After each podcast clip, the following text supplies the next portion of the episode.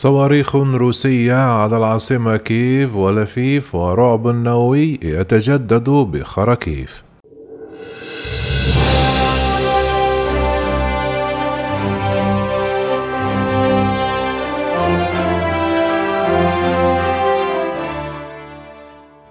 قال مستشار وزارة الداخلية الأوكرانية فاديم دينيسينكو الأحد أن روسيا بدأت في تدمير مخازن الوقود والأغذية الأوكرانية مما يعني أن الحكومة ستضطر إلى وضع هذه المخزونات في أماكن متفرقة في المستقبل القريب.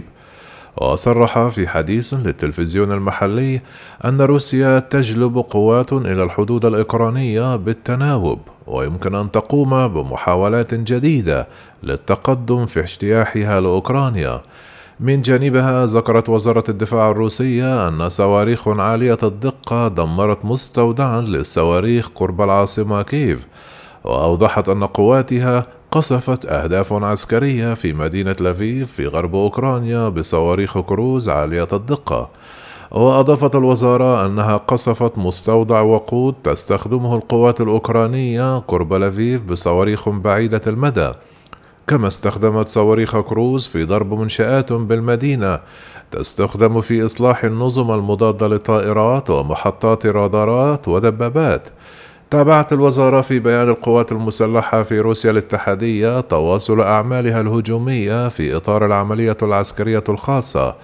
قالت إن روسيا استخدمت صواريخ بعيدة المدى منشورة في البحر في تدمير ترسانة تضم صواريخ إس 300 وأنظمة صواريخ بي يو كي المضادة للطائرات كما دمرت عدد من الطائرات المسيرة.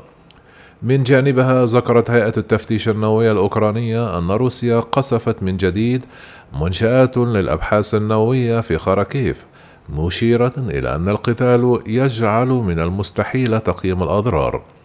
أضافت الهيئة أن المفاعل التجريبي في معهد خراكيف للفيزياء والتكنولوجيا تعرض للقصف يوم السبت. كانت السلطات الأوكرانية ذكرت في وقت سابق أن القوات الروسية دمرت مبان في منشأة خراكيف لكن لم يحدث تسرب إشعاعي وتستخدم منشأة المصدر النيوتروني المشيدة حديثا لإجراء بحوث وإنتاج النظائر المشعة لأغراض طبية وصناعية. كانت الوكالة الدولية للطاقة الذرية قالت أن المواد النووية في المنشأة ليست خطيرة وأن مخزون المواد المشعة منخفض للغاية ما يقلل من مخاطر حدوث تسرب إشعاعي.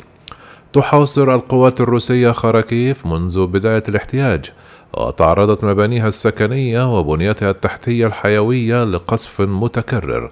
وفي السياق طلبت أوكرانيا من اللجنة الدولية للصليب الأحمر عدم المضي قدما في الخطط الرامية لفتح مكتب لها في مدينة روستوف أون دون الروسية. قائلا إن ذلك سيضفي الشرعية على الممرات الإنسانية لموسكو بما فيه ذلك من اختطاف للأوكرانيين وترحيلهم قسرا. كان رئيس اللجنة الدولية للصليب الأحمر بيتر ماورير قد قال الخميس بعد محادثاته مع وزير الخارجية الروسي سيرجي لافروف إنه من الضروري التوصل إلى اتفاق بين الجيشين الروسي والأوكراني قبل إجلاء المدنيين بشكل ملائم من أوكرانيا التي عصفت بها الحرب.